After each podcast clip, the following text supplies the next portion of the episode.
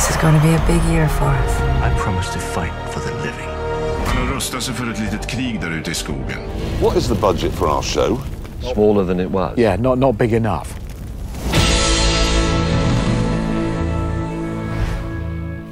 Hej och varmt välkomna igen till Streamingpodden avsnitt nummer 26. Som vanligt med mig, Jonas Rydon Birme och Magnus Svensson.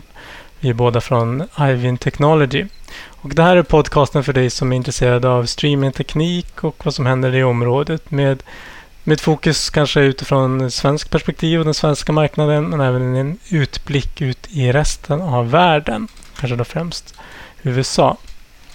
Idag så provar vi även att eh, sända live eh, och på Youtube och Facebook. Och eh, ni får jättegärna gå in i vår Slack på Streaming Tech Sweden och eh, kanalen Streamingpodden om ni vill ställa frågor eller kommentera här nu under själva inspelningen.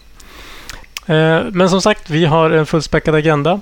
Eh, lite grann så handlar väl dag om eh, kanske mycket mer affärssidan på det hela. Vi ska prata om cord cutting, Netflix och Disney, hur det går för dem. Eh, HBO Max vet vi lite mer om nu. Eh, Telia Play ska vi nämna här. Och sen lite korta nyheter och initiativ som har tagits fram i dessa tider. Och sen avslutningsvis om saker som aldrig slog. Eh, där vi har en som en, en nära bekantskap till faktiskt den här gången. Men eh, ska vi börja eh, lite grann och se hur läget är kring cord cutting, Magnus? Mm. Det har ju, om inte förut, verkligen tagit fart nu och jag tror att eh, man kan nog tillskriva corona och coronasituationen en del av det, men även att jag, jag tror att det, det kommer accelerera nu. Framförallt i USA, vilket brukar alltid ligga lite före och de har kanske haft en lite större traditionell del av tv. Men tittar man på de stora drakarnas rapporter så har ju Börjar man med AT&T så tappade de nästan 900 000 subscribers under Q1 på traditionell tv och Verizon var väl inte riktigt så illa. De tappade 90 000 eller 84 000 av deras tv-subscribers. Och sist så kom Comcast och rapporterade att de tappade drygt 400 000 tv-tittare. Så att bara där har vi liksom en och en halv miljon abonnenter som har släppt sina traditionella kabel och satellit-tv-abonnemang i USA. Och vi ser samma tendens i Sverige också. Men absolut inte de här stora talen. Men tendensen är att eh, de här tiderna har accelererat. Eh, att man stänger ner sitt tv-abonnemang och startar streamingtjänster istället. Och det, det, ser man ju USA. Vi kommer komma till det vad det både gäller Netflix och Disney och de stora drakarna vinner ju då istället. Och i Sverige så ser vi att eh, Viaplay är ju en av de som definitivt de har ökat 100 000 subscribers i, i Sverige under början på året. Så att eh, det som var fort, det som alla väntar på verkar vara den berömda hockeystickan har nu faktiskt satt fart. Mm. Okej. Okay. Ja ja, det blir, det blir alltid intressant att följa det. Men var, var, var, går, var går konsumenten eller tittarna? Eller vet man det?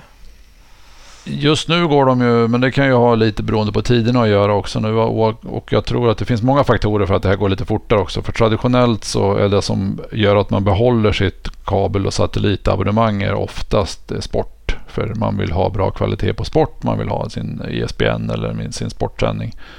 Det har inte varit så mycket sport de senaste veckorna så det kan ju också vara en bidragande orsak. Så att just nu så går i princip alla verkar det som till de, de SVOD-tjänsterna vi ser ju som vi kommer komma till att både Netflix och, och Disney ökar eh, markant. Och i Sverige så är det Viaplay som ökar. Och jag tror att eh, SF och alla ser stora uppgångar. För man, man tittar på film när man sitter hemma nu.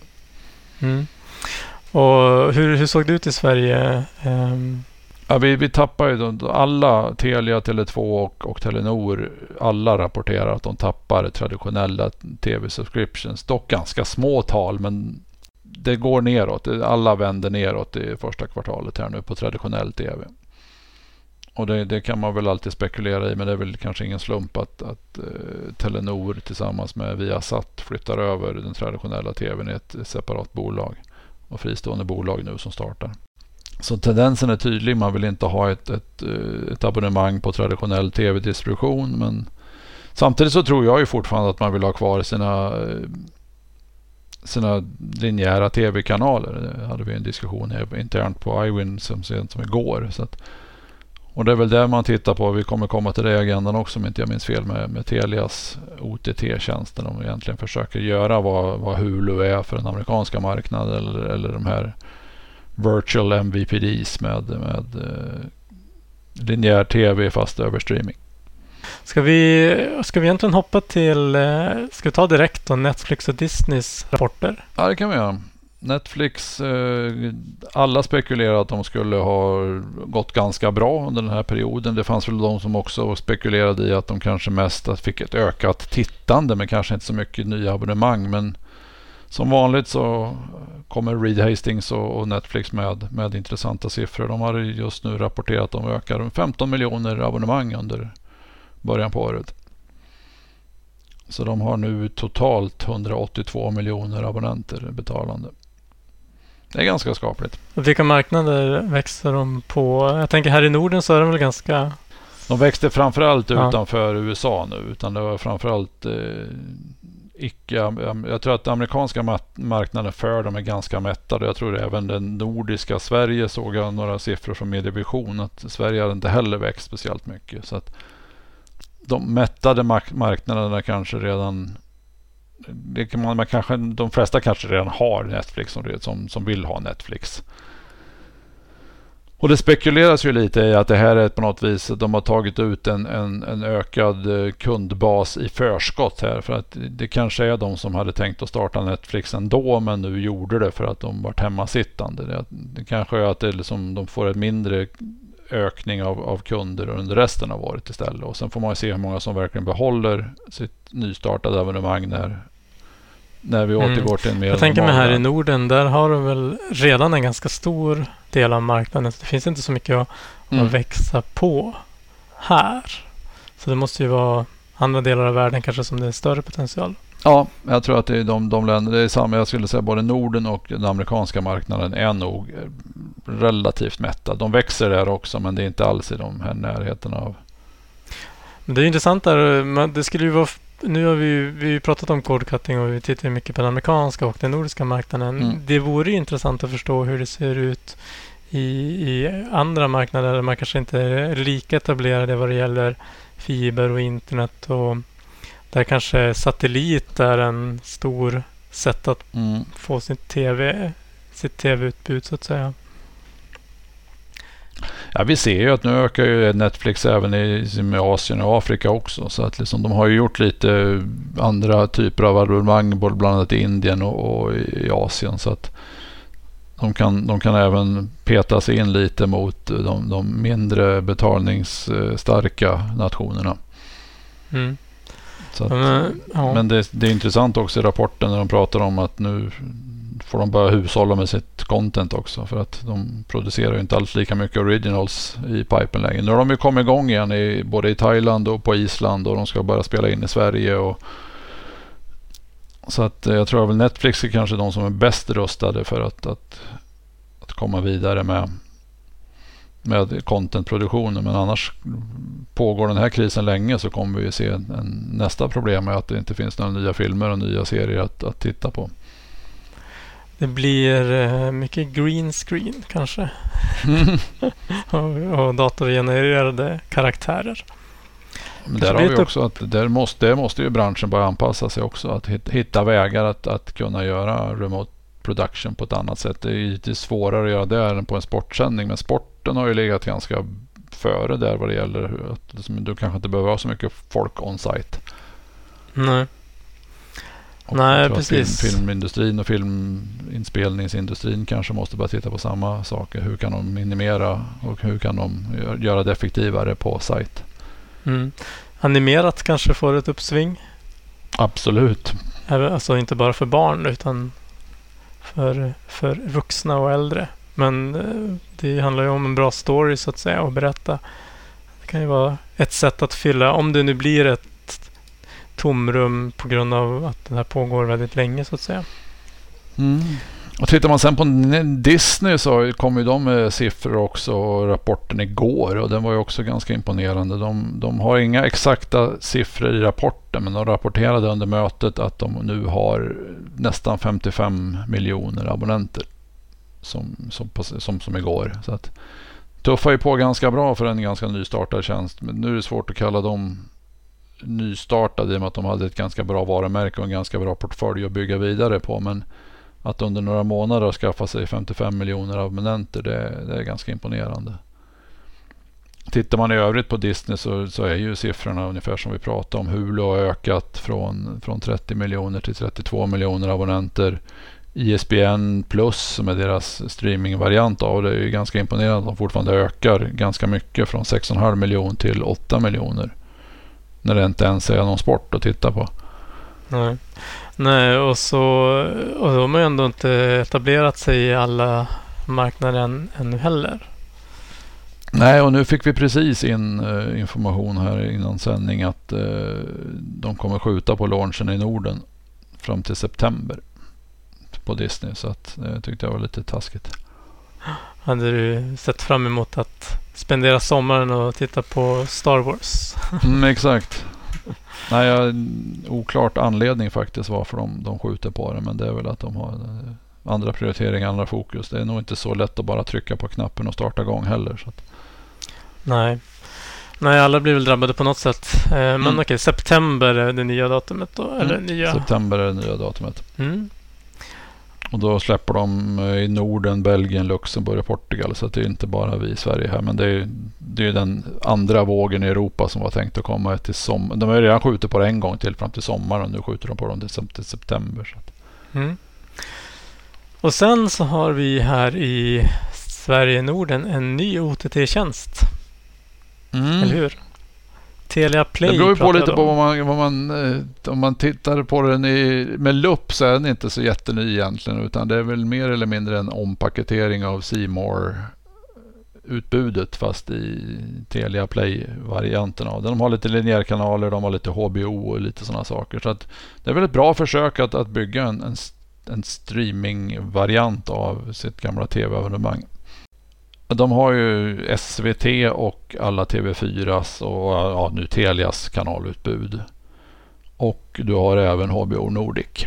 Och lite Discovery-kanaler, inte Dplay utan Discovery och Eurosport och de, de så att säga Discovery Channel och, och sådana saker. Så att det är väl en början i alla fall. Jag tror det är ganska bra tajmat att komma ut med den också. Liksom att, att paketera om Telia Play, släppa det till allmänheten och eh, du, får med Simor, du får med HBO Nordic, du får med lite Discovery-kanaler och du får de linjärkanalerna som jag tror fortfarande folk vill ha. Även fast de stänger ner sitt tv-abonnemang så vill man titta på SVT, man vill titta på TV4. Mm. Så det är väl en, en, första försök. Nu pågår väl fortfarande diskussioner vem den andra OTT-spelaren kommer vara som ska få rättigheterna till TV4s kanaler enligt EU-beslutet för uppköpet. Mm. Ja, det, det, blir ju intressant att se det där. Vad som händer. Det finns ju, nu har vi ju Telia ger sig in i den här leken. Vi har ju Comhem som har sin mm. tjänst. Eh, hur är det med Telenor? De har ingen OTT-tjänst? Ingen ren OTT-tjänst, men Nej. de är ju precis på väg att lansera sin nya eh, IPTV och eh, TV Anywhere-lösning. Så att de, mm. de, är väl i startgroparna också. Så att. Mm. Ja, det... Så det händer ju lite. På, vi har ju varit ganska eftersatta på den svenska marknaden vad det gäller som rena OTT-tjänster. Utan vi har ju egentligen bara haft Play-tjänsterna och, och Eh, TV Anywhere-alternativen till traditionella kabel. Men nu börjar det.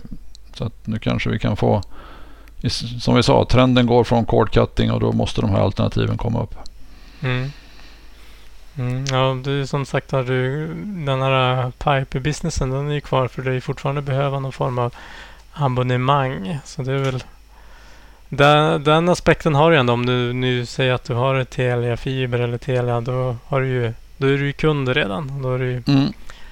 eh, det kan vara lätt att lägga på det då så att säga.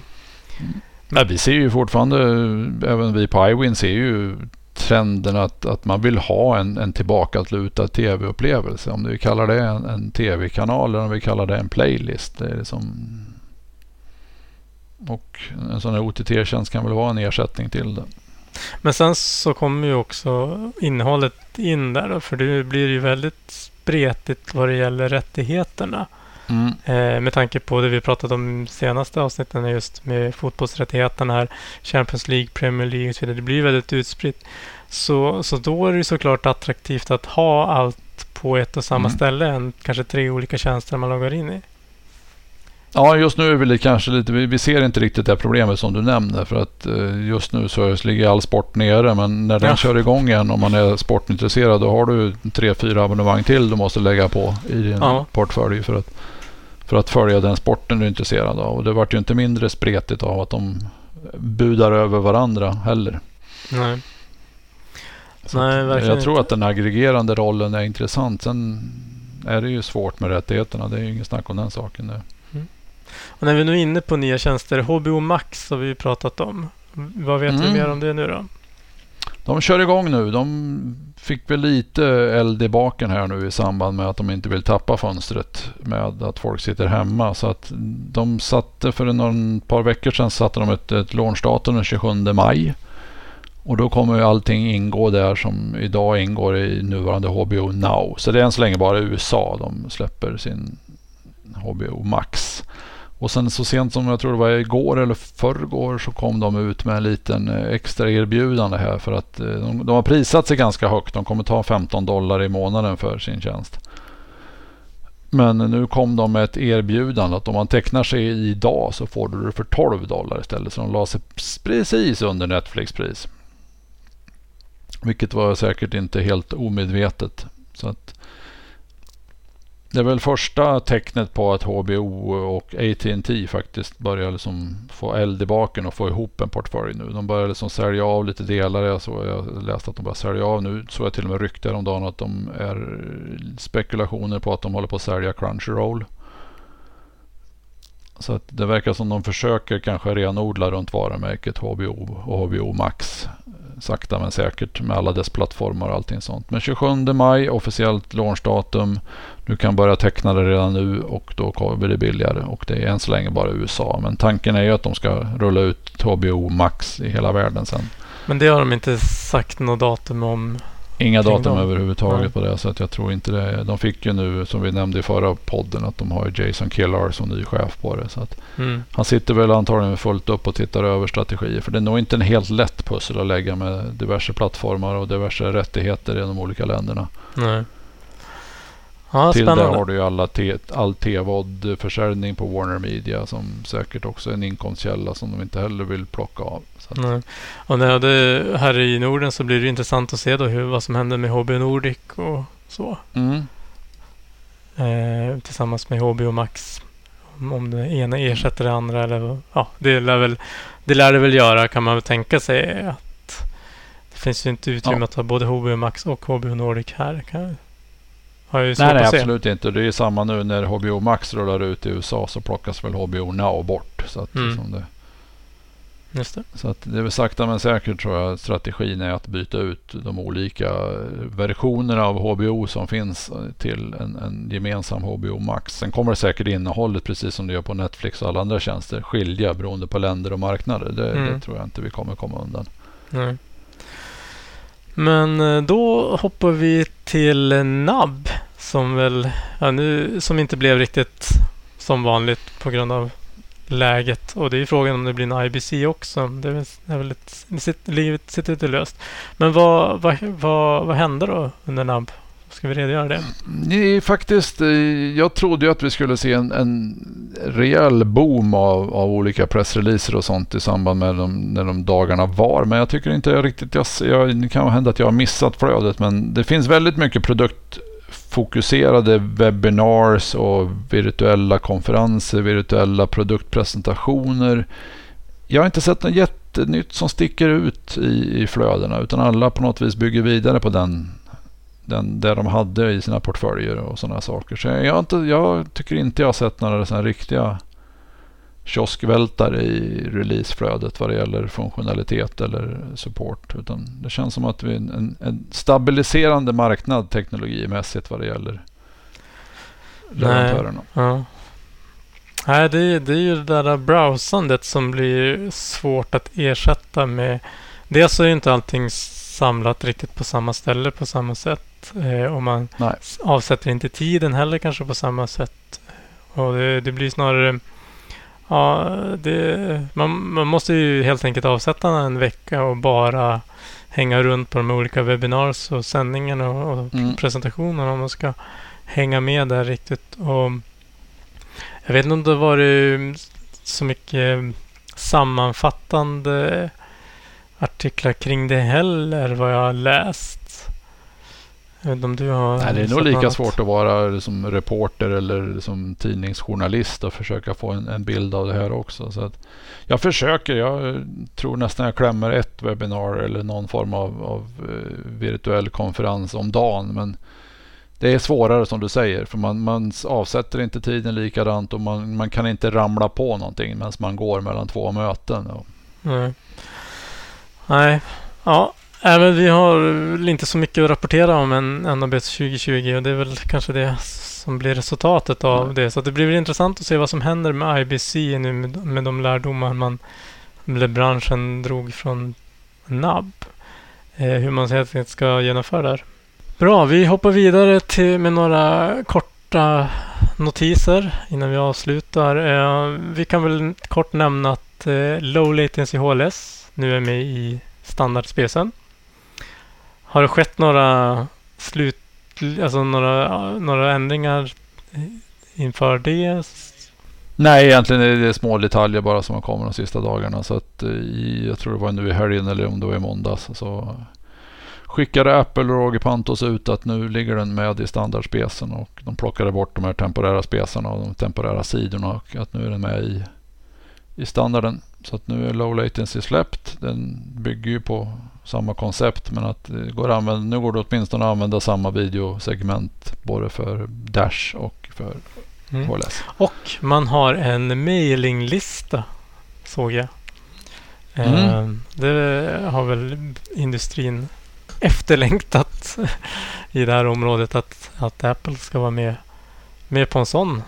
Det, Ja, faktiskt. Det har varit en, vi, vi hade ju ett seriemöten tillsammans med, med Apple för att eh, aligna just low latency. Och det vart väl en bra frukt av det att, att eh, även Apple insåg fördelarna med att, att använda sin community för att få feedback och hjälp. Så det finns en öppen mailinglista och jag har sett att de är än så länge väldigt snabba på att svara på frågor i den. jag tycker det är så... Så Ja, det, det, det är positivt men också högst på tiden att Apple är med i det här communityt. Jag menar, jag tycker ändå man, man borde ju se, se, sett kraften av det om man bara tittar på Linux som sådan och FFmpeg och många sådana här initiativ som har varit öppna och haft en, en öppen approach till många saker.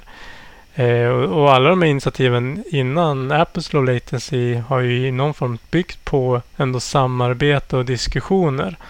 Eh, och de har ju för vana gjort mycket på sitt egen kammare så det är ju jätteroligt att de nu faktiskt ansluter sig på riktigt och eh, eh, ja, men man har har ju såklart ingen möjlighet det är ju inte det är väl ingen demokrati på många sätt men man, man har ju möjlighet i alla fall att ge sin input och påverka och de kan kanske ta till sig av det branschen säger innan de gör någonting.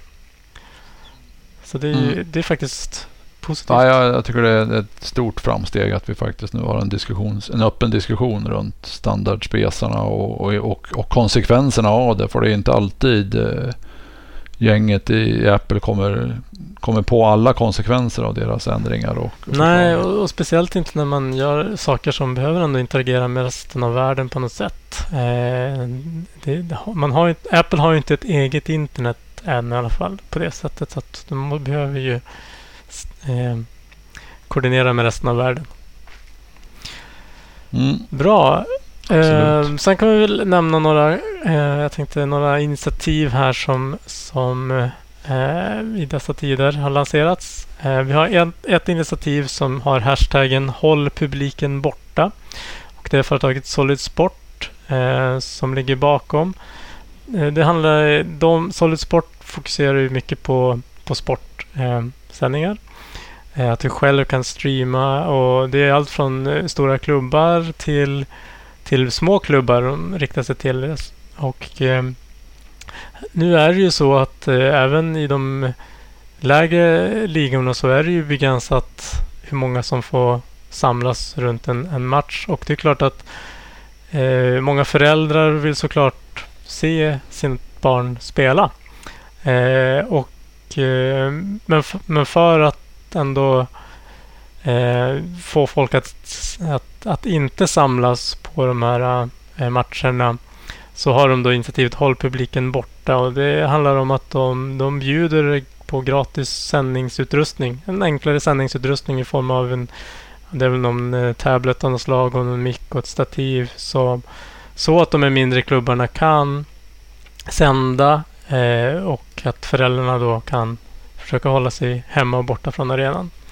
Så jag tänkte det kan vara intressant att nämna. Sen så har vi en annat initiativ som är företaget Nenda som ligger bakom. Nenda är en, jobbar med en streamingplattform för business to business-området och fokuserar på bland annat hotell och var väl ganska nära på att eh, lansera eh, precis innan coronakrisen slog till. Och de vill ju då såklart stötta den svenska hotellnäringen eh, med sitt initiativ Semester 2020 som, som uppmanar folk att semestra i Sverige i sommar. Nu tror jag inte vi kanske kommer ha så mycket val egentligen, men att, att supporta det, den lokala hotellnäringen.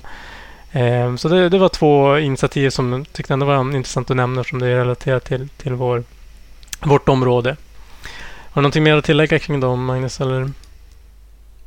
Nej, men det är, det är kul initiativ båda två. Att, det som att, att, eh, visa vilken initiativkraft det finns där ute i alla fall. Och att, att både komma igång med att man tittar på sport och eh, ungdomsfotboll via nätet och att vi faktiskt gynnar våra svenska initiativ och bor, bor och semestrar i Sverige.